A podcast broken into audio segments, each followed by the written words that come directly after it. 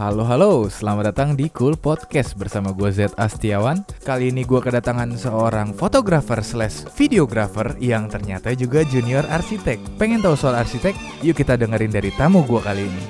Halo mas, uh, selamat datang di Cool Podcast. Terima kasih loh udah mau datang. Cie datang. Apaan sih orang kita online gini ya?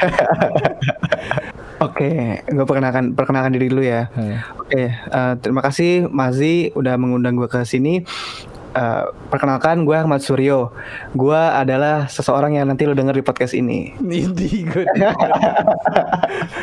Pertama gue tahu kayak apa sih namanya lu lebih ke video-video gitu kan terus pas gue lihat makin lo ternyata arsitek ya iya jadi gue punya apa sih kayak stereotip di kepala gue kayak kenapa sih ya kalau anak-anak arsitek gitu atau nggak interior pasti nggak jauh dari kamera juga itu gimana mas nyambungnya gitu? Uh, Sebenarnya sih nggak juga ya. Eh, mungkin yang lo lihat kayak gitu ya mas. Tapi uh -huh. kalau di jurusan gue sendiri sih nggak bahkan lumayan dikit sih yang beririsan antara foto, video ataupun arsitekturnya itu sendiri gitu. Tapi ada memang yang kayak gitu. Uh, Walaupun nggak banyak. Uh, gini deh, lu kenalin dulu. Uh, sekarang jatuhnya jadi? Uh, gue sebagai junior arsitek uh di salah satu kantor arsitek uh, swasta di Jakarta hmm. dan gue juga melakukan freelance foto dan videografi tapi lagi agak uh, berhibernasi sebentar lah gitu gitu berarti lo udah ada dua bidang ya bisa Ap dibilang apa enggak ini apa enggak puyang gitu oh sebenarnya lumayan puyang sih apalagi pas masih kuliah ya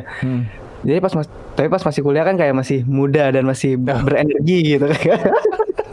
Jadi uh, weekdaysnya itu dipakai ya kuliah, weekendnya dipakai kerja foto atau video gitu. Hmm, iya iya iya iya. Seperti iya. biasa lah anak kuliahan kalau nyambi kan begitulah yes. stereotipnya. Nggak bisa diem ya kalau udah nyemplung ke dunia kreatif tuh ngapain ya ini masa weekend gini gitu ya. Iya betul. Ya, tapi ya, kalau kayak gitu nih korbankan adalah jam tidur. Iya nggak sih? yes yes. Uh, ceritain deh gue tuh sebenarnya tertarik banget kayak akhir-akhir ini jujur aja gue kayak mulai gue sih lebih ke warna sama bentuk bangunan ya biasa anak grafis yang ke 3D terus tiba-tiba kayak bangunan tuh seru ya nah gue tuh masih agak bingung antara uh, interior uh, desainer interior gitu terus sama arsitek bisa okay. dijabarin dikit gak mas? Eh, itu sih sebenarnya menjadi pertanyaan yang selalu muncul ya karena kebetulan uh. di di UI itu uh, keduanya tuh ada. Jadi oh. Departemen Arsitektur di Fakultas Teknik UI uh, eh, turun lagi ada dua program studi, arsitektur hmm. arsitektur interior. Uh. Itu gampangnya sih sebenarnya uh, arsitektur tuh merancang luar ke dalam. Hmm. Bangunannya, luarnya gitu. Nah, interior tuh dalamnya seperti itu. Oh, ada dua, seperti yes, itu. Yes, yes. Jatuh eksterior gitu ya. ya arsitektur, Betul. Nah, hmm. Nah, kalau di kantor sendiri ya gue melihatnya juga seperti itu di dunia prakteknya arsitek itu yang ngolah luarnya ruang ruangannya juga ruangannya juga ada di perancang sama arsitek kayak flow-nya gimana uh, hierarki ruangnya gimana dari masuk sampai ke atas sampai keluar lagi gitulah ada di yes. dirancang nah kemudian interior tuh uh, merancang ruang-ruang udah didesain sama arsitek itu. Oh, gimana placementnya gitu. Penempatan ini asiknya gimana, ini bagusnya gimana gitu ya. Betul, gampang sih seperti itu. Ah. Walaupun karena gua nggak, karena gua bukan di dalam bidang interior, jadi gua mungkin uh, kurang bisa menjabarkan detail ya. Yes, tapi yes, yes. gue seperti itu. Gile ya, jatuhnya lu udah ngedesain bangunan ya. Eh bisa dibilang seperti itu. Tapi kalau di kantor ya belum lah, belum belum bikin sendiri gitu, masih tim gitu gitu. Yes yes. yes. lu uh, mulai tertarik di bidang ini dari kapan mas? Arsitektur. Mm -mm. Uh, seperti mahasiswa arsitektur pada umum ya tertarik hmm. karena bisa gambar. Ah, gambar? Ya karena kan bisa gambar. Kuliahnya apa nih arsitektur? Bisa gitu kan? Oke. Okay. Ya tapi sebenarnya uh, gue juga nggak bisa-bisa amat gitu karena memang gue gue tadinya adalah uh, kedokteran. Oh iya. Iya, karena keluarga kebanyakan dokter jadi ah gue mau bukan maunya sih tapi kayak ter, terbentuk aja Kebawa kayak gitu ya. Iya, aku ah, jadi dokter juga deh gitu. Hmm. Karena kan ya terasa lah uh, dampak punya keluarga dokter kayak gimana ke kehidupan sehari-hari gitu. Hmm. Ya, pengen juga menolong orang lah, ya gitu-gitulah standar. Nah, pada suatu saat di kelas 12 kan IPA belajar soal itu kan uh, apa genetik dan turunan. Oke okay, oke. Okay. Nah di situlah uh, apa namanya ada kan genetik turunan soal warna. Oke. Okay. Nah begitu di situ kan ada bukunya tuh kalau lu tahu mas hmm. yang titik-titik warna-warna itu. Iya iya iya iya. Kayak Ishihara namanya. Nah itu di situ gue kesulitan. Kesulitan leads to gue sadar kalau gue oh ternyata gue memang colorblind. Nah gue harus merubah destinasi dan tujuan gue apa nih yang paling mungkin. Nah, gue Ah. nyebrang ke arsitektur gitu. Oke. Tapi di kan jatuhnya arsitektur tuh teknik ya kalau kayak gitu ya. Jurusannya eh sorry fakultasnya iya. Tapi basicnya ya kalau kacamata gue mah ya desain-desain juga gitu kan. Iya iya benar-benar. Tapi itu ngaruh gak sih mas sama si colorblind lo itu? Eh, ngaruhnya sih pasti sih ya. Mungkin eh, pemahaman warna gitu-gitunya sih jadi kurang bisa dibandingkan lain. Tapi kebetulan di arsitektur tuh eh, warna tuh nggak begitu di apa ya? Nggak Eh, maksudnya di jurusan tuh nggak nggak terlalu di nggak terlalu di eh, apa ya di lah. ya diutamakan banget Aha. gitu apalagi semester, semester awal.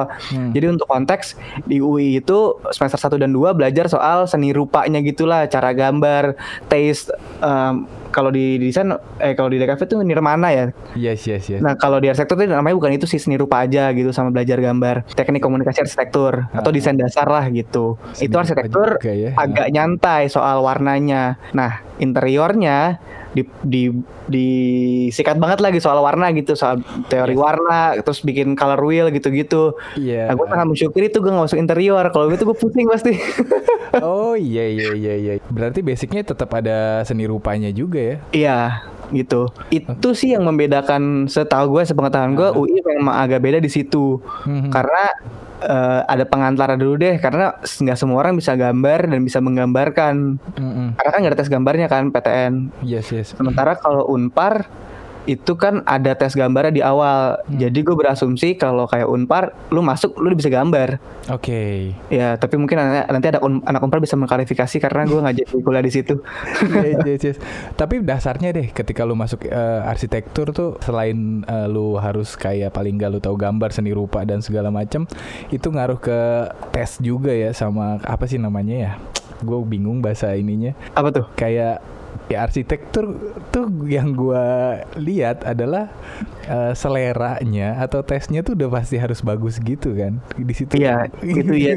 Kalau itu sih memang eh, referen banyakin referensi sih ya. yes Makanya memang harus disuruh studi preseden gitu kayak contoh-contoh bangunan gitu-gitu. Hmm. Disuruh memperkaya kasanah lah gitu Hmm. soal bangunan. Karena kalau memang wawasan itu nggak luas, di sana tuh pasti mandek gitu loh. Ini diapain ya? Eh, ini mendingan diapain kalau referensi banyak kan tahu nih harus diapain gitu-gitu. Hmm. Makanya harus baca juga. Sementara gue sih baca, gue males baca. masa iya Males. Gue baca kalau disuruh doang maksudnya misalnya awal semester tuh dikasih bacaan tentang materi semester ini Hmm. sebagai benang merah dari semester itulah. Nah, itu gue baca karena disuruh dan memang dibahas untuk presentasi kelompok. Hmm. Nah, tapi kalau bacaan untuk gue sendiri nyari referensi gue males. Oke. Kalau nyari gambar gue ayo, baca Oh. males. lebih ke visual berarti ya udah Iya, walaupun memang buku tuh penting banget sih. Gue setuju sih menyesali juga kayak gue malas baca, tapi sampai sekarang gue males. gue berusaha juga sih Iya. baca buku itu penting banget sih. Berarti lu sebelum- kalian yang suka baca. iya berarti di arsitek tuh kan kayak apa ya gue bener-bener buta sih makanya gue ngundang lu pengen tahu banget basic eh, pengetahuan arsitek gitu sharing-sharing yang kecil aja kalau misalnya mau dalam kan ya harus kuliah lagi atau kursus arsitek ya kan Iya iya iya. berarti lu sebelum lu, lu ke 3D design berarti lu kayak ada render yang apa sih tuh Eh, gambar tangan. iya ya gambar Iya. tangan juga gitu ya Hmm. Jadi kalau di kampus gue itu Hmm. sampai tahun kedua berarti semester 4 itu harus manual drawing. Nggak boleh pakai komputer karena untuk mem- menciptakan eh, apa ya? Ya kebiasaan lah kalau lu apa-apa harus pakai tangan gitu. Karena kan komputer memang memudahkan dan memperbagus gambar lu. Tapi kalau lu lagi ada komputer gimana gitu. oke sense dan taste tuh harus kebentuk dulu dari awal makanya ada seni rupa untuk melatih lo dan semester 2 tuh teknik komunikasi arsitektur bagaimana lo bisa menggambarkan tak hanya sekedar gambar jadi Hmm. gambar-gambar yang lo hasilkan itu bisa mengkomunikasikan sesuatu Iya, gitu iya, iya, iya, iya, Ya, iya. jadi semester 1 dan eh sorry, 1 dan 2 kan tadi pengantarnya lah semester 3 4 udah mulai ke desain. Namanya perancangan arsitektur kayak gitu. Perancangan arsitektur udah belajar perspektif tuh ya iya, sih. Betul. Gambar-gambarnya udah kayak yang udah harus ada garis-garis gitunya gitu. Iya gambar teknik lah gambar ya, kerja. gambar teknik. Ya namanya gambar kerja. Apalagi ya drafter gitu-gitu ya mas ya? Iya nah, kalau kalau drafting anak arsitektur memang harus bisa. Hmm. tapi kalau di gue sih eh, di kampus gue tidak terlalu diperdalam. Hmm. karena lebih nguatin ke soal konsep. Okay. ya bagaimana bangunannya itu ya bagaimana bangunan itu terbentuk gitu bisa harus bisa itu penting karena ya kalau masa nanti bangunannya terlalu ngadi-ngadi kalau misalkan nggak yes, yes. cara teknisnya kan huh. Nah, uh, sementara kalau drafter tuh setahu gue nggak harus dari jurusan arsitektur. SMK-nya tuh ada deh kalau nggak salah drafter. Yes, yes, yes. Iya ya kan ya. Hmm. Nah, makanya uh, jurusan arsitektur tuh suka dibilang teknik tapi nggak teknik-teknik banget karena juga harus punya sense of artnya. Jadi bagaimana teknik, sorry teknis dan art, uh, seni itu bisa dipadukan lah gitu untuk menciptakan suatu bangunan tanpa melupakan faktor teknisnya. Yes, Seperti yes, itu. yes, yes, yes. Oh, ngerti, ngerti, ngerti. Iya. Nah kalau teknisnya banget itu sipil kayak gitu. Oke, oke, oke. Makanya kadang-kadang juga ada bercandaan tuh arsiteknya desainnya aneh-aneh yang pusing sipilnya gitu yes yes yes. Gue kemarin kemarinan gue kan uh, ngeliatin ada tuh kayak orang Toronto gitu cewek lucu banget dia. Terus uh, dia suka sharing soal arsitektur yang agak surreal gitu loh bentuknya kayak entah kayak bebek lah atau apalah gue nah. bilang ini menarik juga gitu. Ya itu biasanya ntar kalau memang direalisasikan yang pusing tuh strukturnya orang sipil. Nah iya. Tapi lu juga nge ini kan ya mas ya apa enggak? Eh beneran ide sih. Lebih selebihnya kayak ini nanti pakai material apa atau apa lu pikirin ke situ juga dong. Oh itu juga itu harus. Itu dipikirin oh. juga. Oh. jadi uh, ya bukan uh, arsitek ngedesain bukan nggak nggak melupakan faktor teknisnya juga material keterbangunannya uh, uh, ter, terhadap cuaca oh, bang, uh, gitu-gitu juga harus dipertimbangkan kan ngadep mananya orientasi terhadap uh, apa arah mata angin itu juga harus dipikirin kayak gitu. Oke. Okay. Nah, nah gila, apa gila, gila. sipilnya tuh ya ketika udah berhubungan sama struktur uh, mechanical electrical tuh kayak dan plumbing tuh kayak air listriknya oh, yes. nanti gimana itu nanti urusannya lain lagi gitu. Oh, I see. Gila. Tapi arsitek juga harus paham. Kalau nggak paham nanti ya itu nyusahin orang yeah. lain. Karena jatuhnya teamwork teamworknya banyak kan. Betul, koordinasi banyak banget sama bidang lain gitu. Oke okay, oke okay, oke. Okay. Wow wow, nggak gampang Gak. ya. Tiba-tiba gue kayak pengen tahu soal arsitek cepet. Oke, okay. gue cuma tahu seneng sama bangunan. Sekarang gue kayak udah item-item. Wah ini bangunan enak banget deh. Sekarang minimalis kotak-kotak aja. Udah gue mau gitu. Eh, eh gue juga kalau udah bahas itu gue juga pusing sih. Masih struggle gue di bagian itu.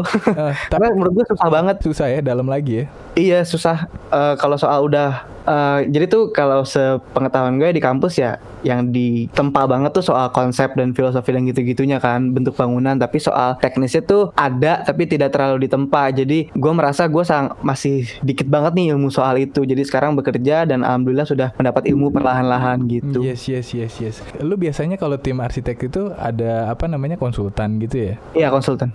Misalnya lu jadi, lagi mau ngebangun sebuah museum nih uh, terus temanya itu biasanya gue ini bagusnya gimana tahunnya gitu. Iya betul. M mungkin jangan musim musim kan buat contoh kayak musim kan ter terasosiasi sama sesuatu ya misalnya okay. musim gajah soal apa misalkan oh, okay. kawasan dia atau rumah gitu mm-hmm. nah biasanya rumah tergantung klien nih maunya yang seperti apa stylenya oke okay. menurut menurut gue gue gak tahu sih bener apa enggak tapi menurut gue arsitek tuh ada yang bisa ngikutin maunya klien ada juga arsitek yang udah punya style sendiri yes. sehingga klien datang ke situ hmm. ya kan arsitek A gayanya tuh A ya sementara kliennya cocok nih gue maunya A ya udah gue datang ke situ yeah, ya kan yeah, yeah, gue yeah, sih melihatnya kayak gitu walaupun juga ada arsitek yang bisa uh, mengadjust egonya terus klien maunya uh, maunya agak berbeda dengan style si arsitek tapi bisalah di uh, arahin-arahin dikit gitu. Ya itu namanya ada, ada konsultasi dulu ya. Iya betul. Oke oke oke. Tapi biasanya uh, ngaruh nggak sih kayak misalnya gini, gue punya rumah di daerah Cimbelit lah gitu kan. Ini bangunannya kecil tapi dia pengen gue mau agak modern gitu tuh minimalis. Itu di ini gak sih kayak apa ya bahasanya dicocok-cocokin dulu nggak sih? Oh pasti di dipelajari dulu.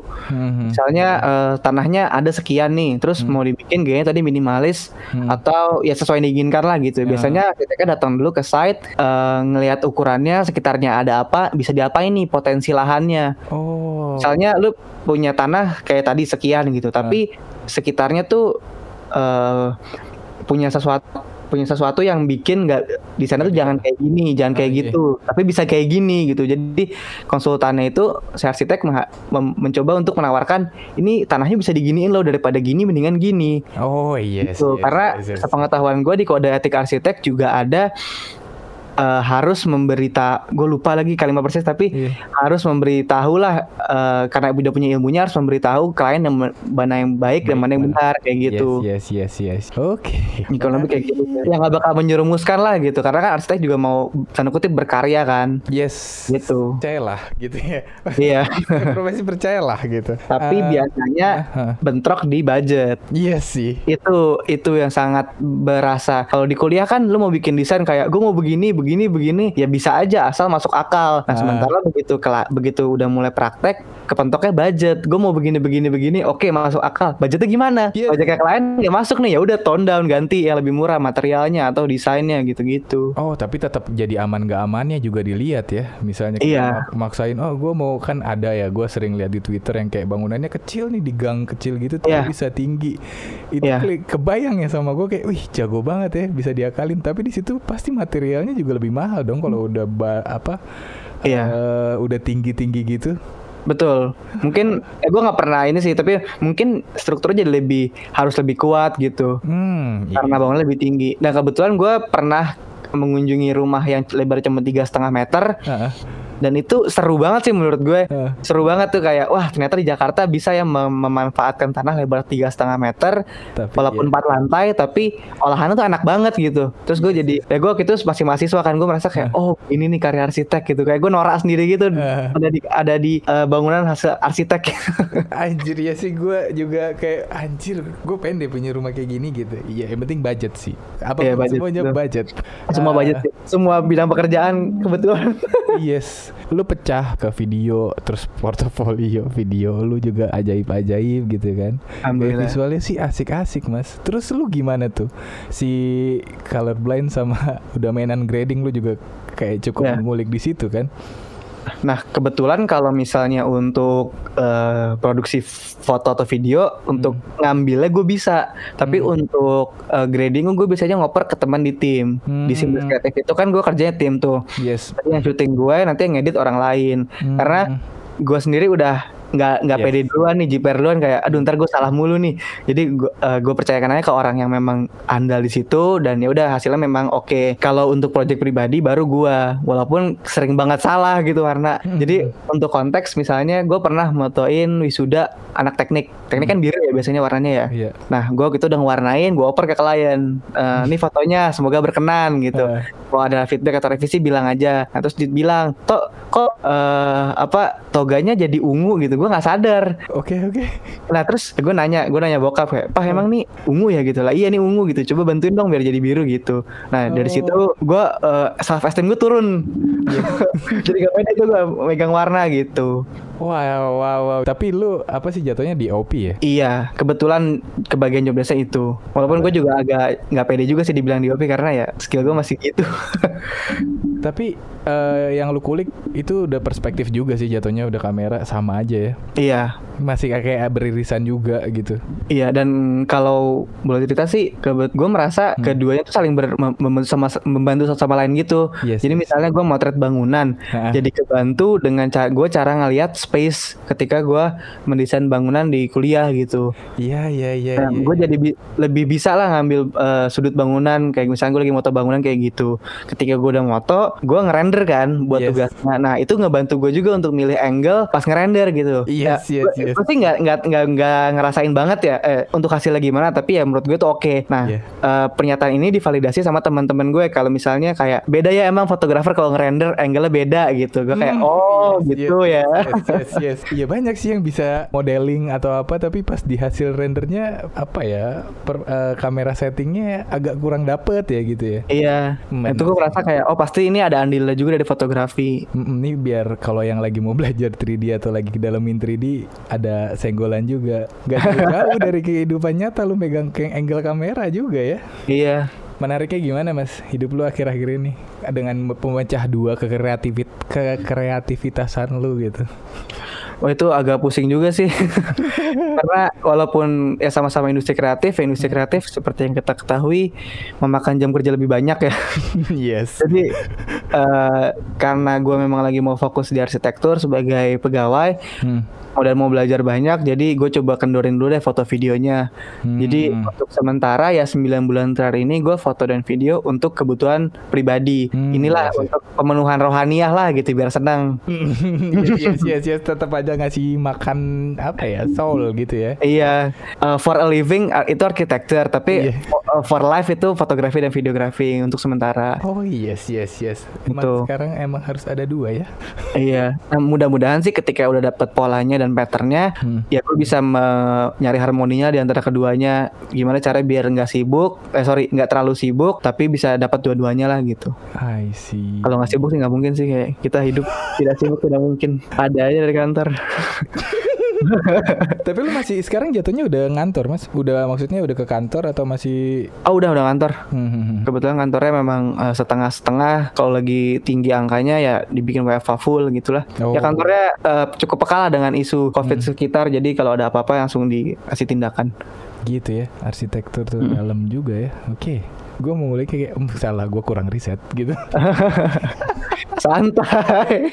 Uh, tapi kalau misalnya ini mas uh, apa namanya misalnya kayak bangunan mall itu kan pasti kayak ada apa ya warna-warninya tergantung mallnya ya. Terus yeah. sekarang udah atau enggak gaya tren sekarang deh yang buat bangunan-bangunan yang uh, kayak di desain ada tren 2021 atau kayak gini kalau di arsitektur tuh jangka panjangnya tahunan atau ada berkalanya juga gitu. Entah tiga tahun sekali atau apa gitu. Kalau untuk style sih hmm. jujur gue kurang tahu ya uh, time span berapa lama, tapi hmm. kalau belajar soal sejarah arsitektur ya ada misalnya dari era berapa sampai berapa gayanya modern modern, postmodern, habis itu kontemporer. Nah kalau sekarang sih gue rasa referensi banyak banget ya. Jadi kadang-kadang ada juga nih tahun sekarang untuk masa depan gayanya bangunan lama. Jadi gue sendiri juga agak bingung nih sekarang nih gaya yang lagi tren apa sih? Tapi menurut gue balik lagi ke uh, kebutuhannya gimana, kebutuhannya gimana, uh, gaya yang diinginkan kayak gimana sama klien dan gaya yang dipegang sama arsiteknya itu sendiri. Iya gitu. sih. Jadi gue sendiri juga agak bingung ngelihatnya kayak ya mungkin gue kurang referensi juga sih tapi hmm. ya gue lihat kayak gitu sangat beragam jadinya diverse hmm, banget. Ceritain deh kerjaan lu sebagai yang sekarang ini sharing, Jadi sharing kita. Hmm. Kalau di gua sendiri itu gua sebagai junior arsitek membantu untuk memvisualisasikan dari sketsa menjadi 3D. Jadi misalnya senior arsitek uh, punya punya desain nih, kliennya mau kayak gimana, desain kayak gimana sama senior arsitek dalam bentuk uh, sketsa gitu. Gue coba untuk merealisasikan dalam bentuk 3D-nya biar uh, kliennya tuh kebayang untuk dibawa meeting. Uh, desainnya tuh begini, misalkan ada dua opsi, gue bikin dua, habis itu di render simple aja untuk se untuk visualisasi singkat lah gitu. Uh biar kebayang aja. Karena kan kadang-kadang kalau masih raw gitu nggak di render klien suka nggak kebayang ya? Yes. Ya kan? Yang, yang ngerti cuma yang bikin. Yes yes yes, yes. garis-garisnya kusut gitu kan. Nah. nah ini di render sesimpel supaya klien itu paham kayak gitu. Hmm. dan itu kalau misalnya dari segi 3D nanti kalau udah 3D kan kalau udah oke okay, um, dibikin gambar kerjanya kan untuk dibangun. Oh. kayak gitu Nah itu tuh uh, di adjust mulu tuh back and forth misalnya 3D-nya udah oke, okay, gambar kerjanya udah oke, okay, terus ada revisi lagi dari klien maunya ganti dikit deh di sininya. Ya udah berarti 3D-nya ganti, gambar kerja juga ganti gitu. Yes, yes, yes. Nah, jurnal arsiteknya tuh harus bisa membuat 3D dan membuat gambar kerja itu sendiri. itu skill dasar yang harus dipunyain. Apa sih gambar kerja itu lebih kayak gimana sih mas?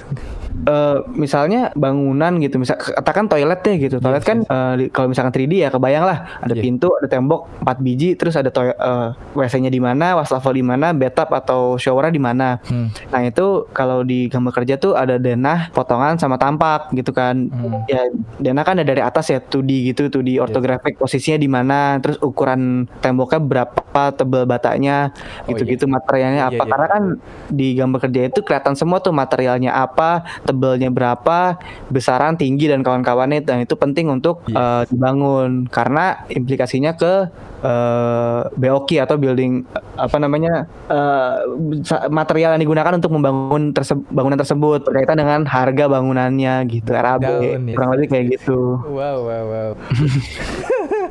Banyak ya. Nah itu lumayan lumayan mengagetkan juga sih karena di kampus kan nggak disuruh ya bikin kayak gitu.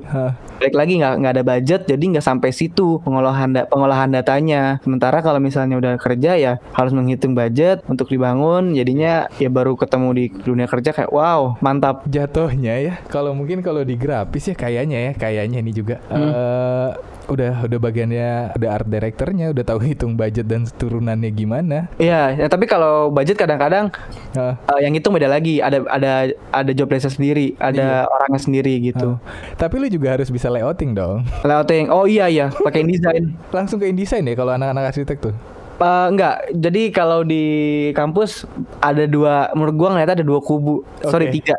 Pertama yeah. Orang layout portfolio ataupun report pakai Photoshop per halaman. Yes. Dulu kan belum bisa artboard kan Photoshop kan. Jadi manual yeah. tuh per halaman, halaman satu, dua, tiga ada PSD-nya semua tuh. Oh gede banget tuh biasanya tuh.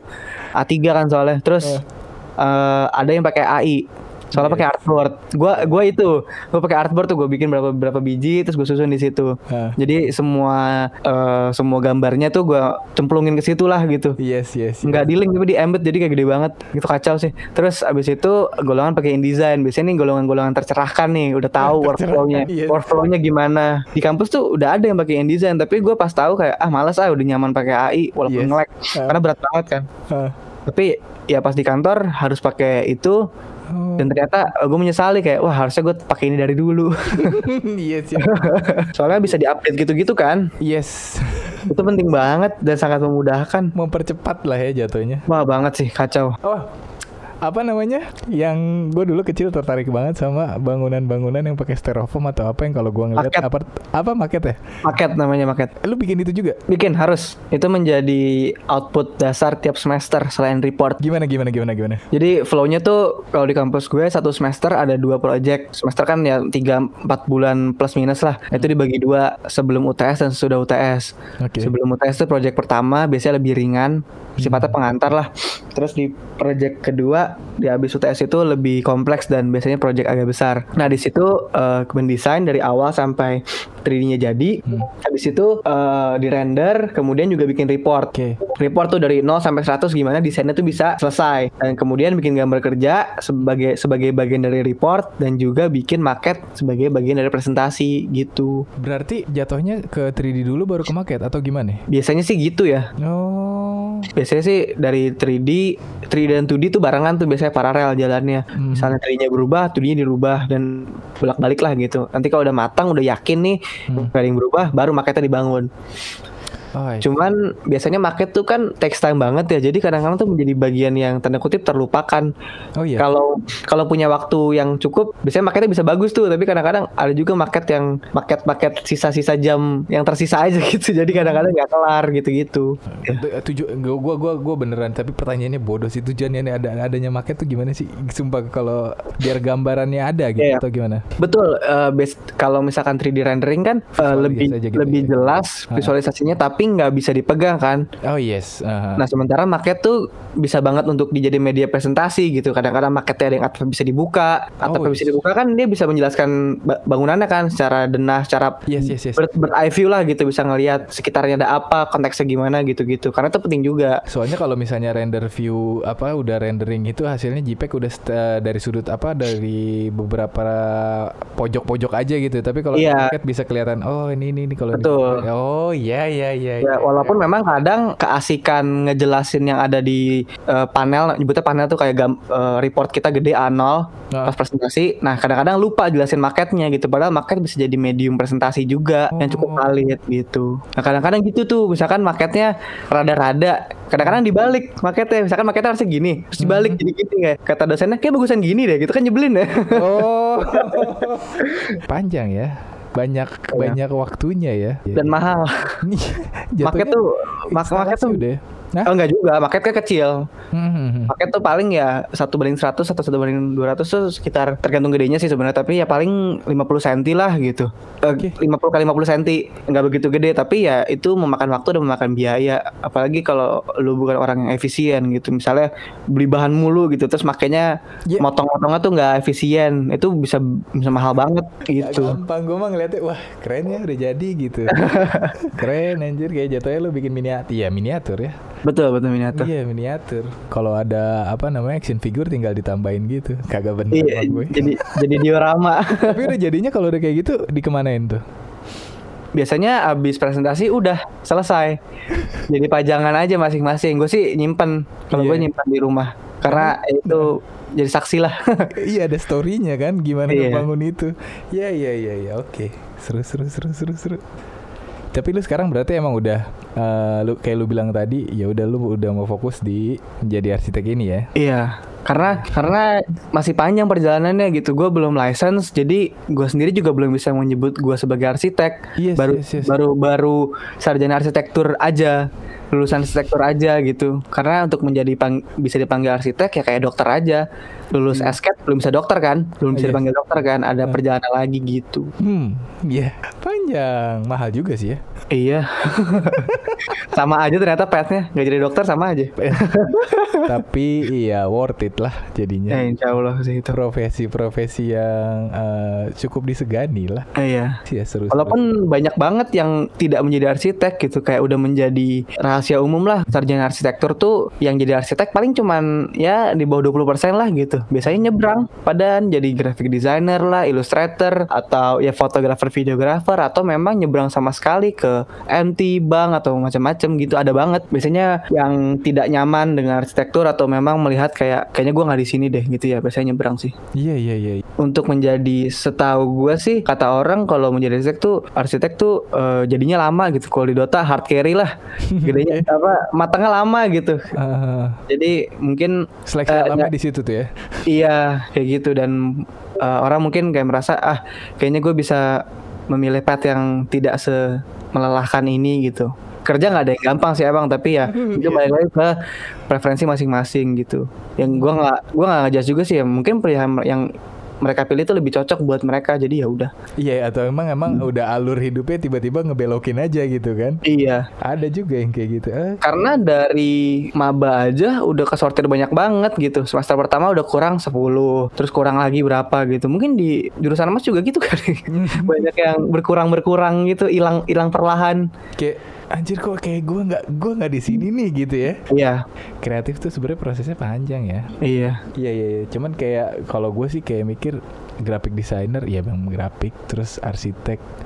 Eh gue anggapnya maksudnya gue hampir samain tuh kayak koki lah. Setiap orang punya rasanya masing-masing yang diturunin Iya. Betul, betul. setiap karyanya. setuju setuju Halo, Um, pernah nggak? Pernah nggak pas lagi di kuliah pengen ah nih gue nggak di sini gitu? Eh, itu pernah tapi begitu gue pikir kalau gue nggak di sini gue di mana lagi gitu Hmm, yes yes. ya da- dalam artian eh, ya love hate relationship gitulah karena walaupun susah dan kadang-kadang mentok gitu pas lagi kuliah ya gue lebih nggak mau tiap akhir semester tuh gue belajar textbook belajar rumus gitu gue nggak mau. Gue mendingan gue mendesain. Ah, ya gue jadi kayak mikir oh ya udah gue mungkin memang di sini. Kalau kepala tanggung sih enggak ya tapi lebih ke itu kayak gue nggak nggak mau juga be- berad seperti anak teknik lain yang belajar kalkulus. Eh gue dapat juga sih tapi ah, eh, kan gue di fakultas teknik jadi gue kebagian tuh mata kuliah mata kuliah teknik yang kayak gitu. Ah.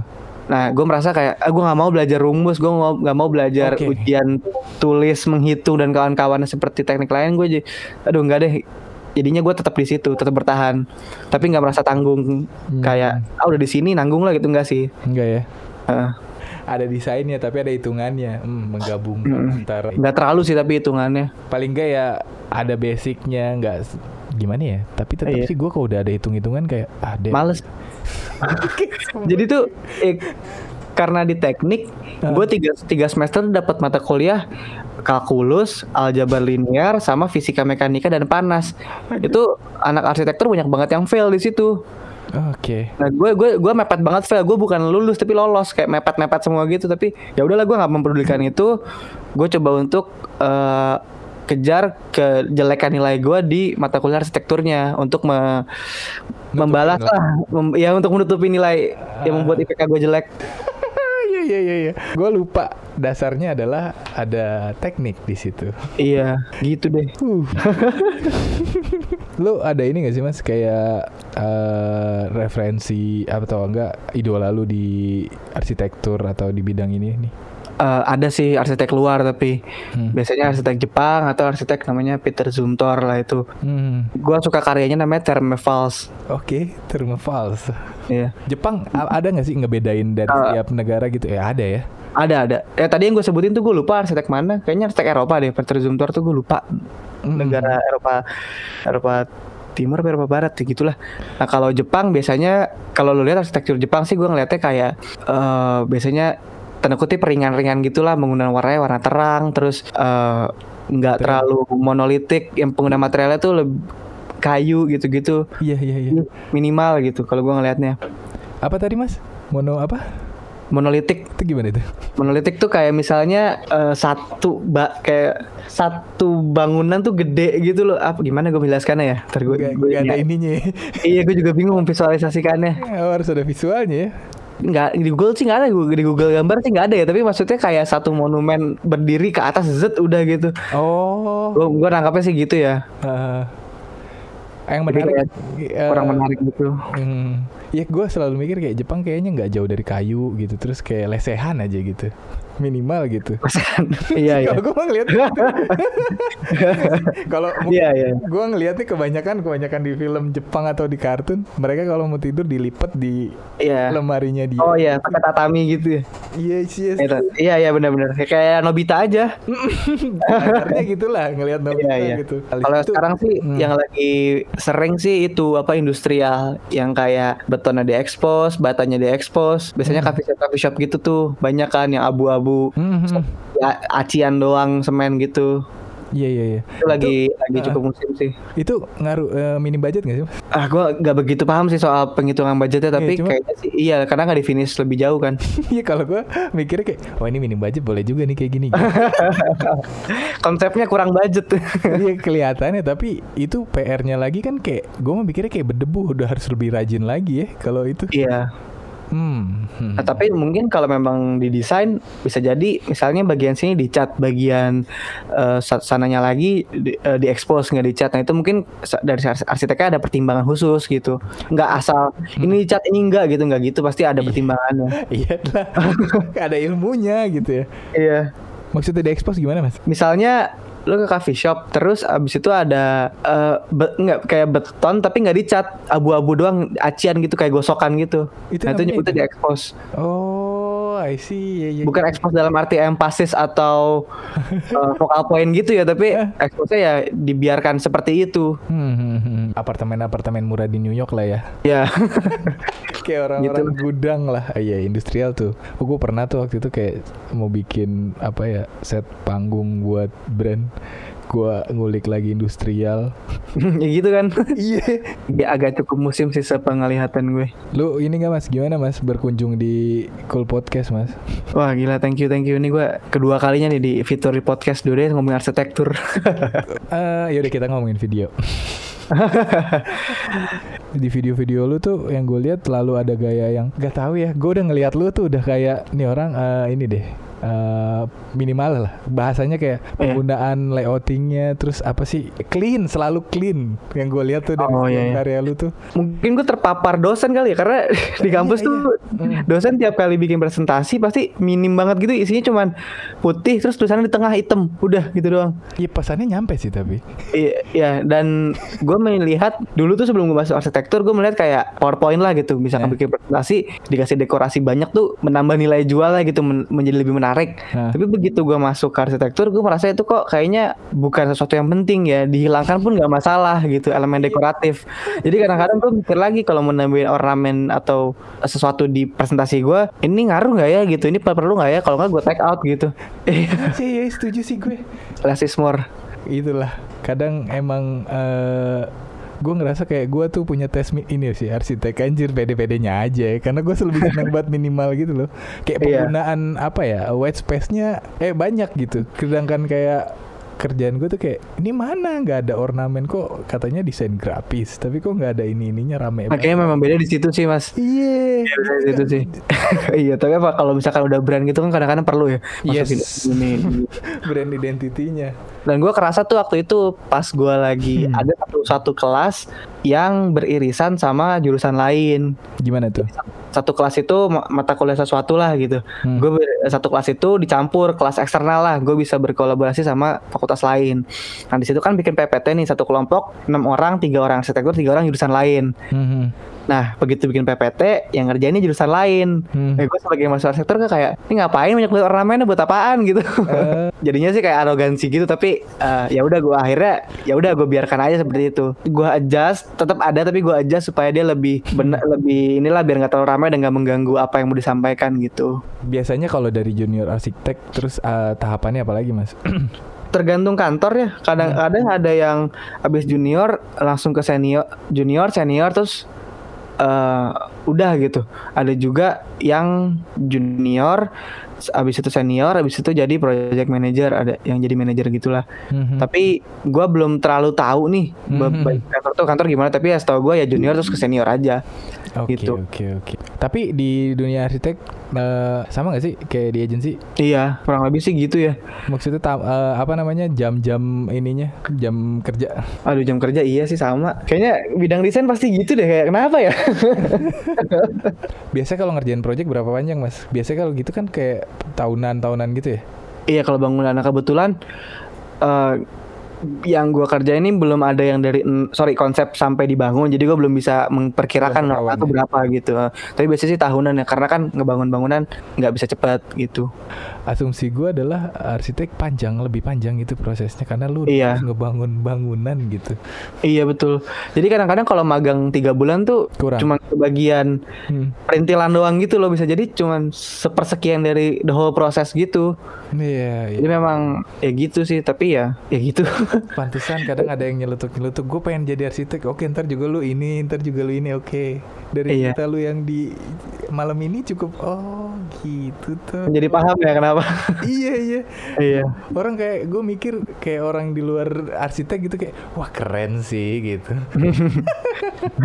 Tapi kalau misalkan rumah mungkin bisa lebih singkat ya. Hmm. Walaupun nggak bisa tiga bulan juga sih setahu gue tetap tahunan tapi bisa lebih pendek hmm. gitu. Hmm, hmm karena stakeholder pun lebih sedikit. Yes, yes, yes, yes. Ya wis, lo ada pesan-pesan gak sih mas kayak uh, apa namanya? Oh, buat yang dengerin nih mau masuk arsitek oh. atau ya arsitek lah paling enggak uh, kalau mau masuk arsitektur sih kalau misalnya uh, merasa belum bisa gambar nggak masalah karena akan diajarin. Hmm. dan buat yang bisa gambar bisa gambar pun nggak cukup. Harus bisa menggambarkan bagaimana ide lu tuh biar tersampaikan sama yang lihat. Gue sendiri juga merasa sampai sekarang hand hand drawing gue tuh masih kurang. Dan kadang-kadang orang yang lihat tuh masih bingung nih apaan gitu. Nah Nah, menurut gue itu penting bedanya menggambar dan menggambarkan gitu. Oke. Okay. Nah, terus habis itu kalau soal uh, hardware dan gitu-gitu, menurut gue kalau lo memang mau dan berniat nggak masalah kok pasti ada jalannya. Lo bisa ngakal-ngakalin gitu. Untuk sedikit konteks, misalnya uh, mau ngerender eksterior dan interior, tapi laptop lo nggak kuat nih kalau di render jadi satu. Ya udah lo bisa bikin file eksterior doang, lo bisa bikin file interior doang. Jadi lo ngerender di file yang terpisah gitu. Jadi nggak terlalu berat gitu. Iya akal-akalan lah namanya juga kreatif. Iya. Masuk dunia kreatif kudu kreatif lah intinya ya. Bener banget karena pas gue tugas akhir gue tuh ya gue juga agak keteteran tuh karena laptop gue kentang. Jadi uh. gue harus cari cara nih bagaimana gam, uh, di sana gue mau ter, ter, ter, terrealisasi tapi juga laptop gue bisa ngangkat gitu ya udah gue hmm. akal-akalin workflow-nya gitu. Walaupun memang but, jadi butuh waktu lebih lama. Tapi hmm uh, nggak nggak nggak segitu menghambat sih tetap bisa kok nyari cara. Terus terakhir kalau misalnya lu udah udah di arsitektur, cobalah untuk magang karena itu menjadi water testing lah untuk ngetes uh, uh, cocok nggak sih lu di bidang ini gitu. Jadi kalau cocok ya lu bisa lebih yakin untuk melanjutkan di bidang ini dan kalau nggak cocok lu bisa segera cari tanda kutip escape plan lah. Menurut gua ya memang di kampus pasti bakal di di apa brainwash banget bukan brainwash istilahnya ya bakal di bikin merasa kalau ya udah arsitektur memang jalannya jadi arsitek dan gitu-gitu tapi menurut gua kalau memang lu nggak merasa cocok ya nggak masalah jangan jangan dipaksa menjadi iya ketika lu enggak gitu ada waktu soalnya yang ditumbalkan di situ ya. Iya, waktu biaya dan tenaga. Iya sih. Makanya banyak maketnya, banyak apa namanya? banyak bahannya kalau di arsitektur ya. Betul. Gua wifi gua mati. Oke, okay, sorry sorry. Thank you Mas sudah mau uh, sharing-sharing di sini. Uh, sorry gua repotin dengan obrolan yang tanpa ada ininya ya. Oh, santai banget. Thank you banget. Thank you banget Mas. Sehat-sehat. Semoga sukses terus.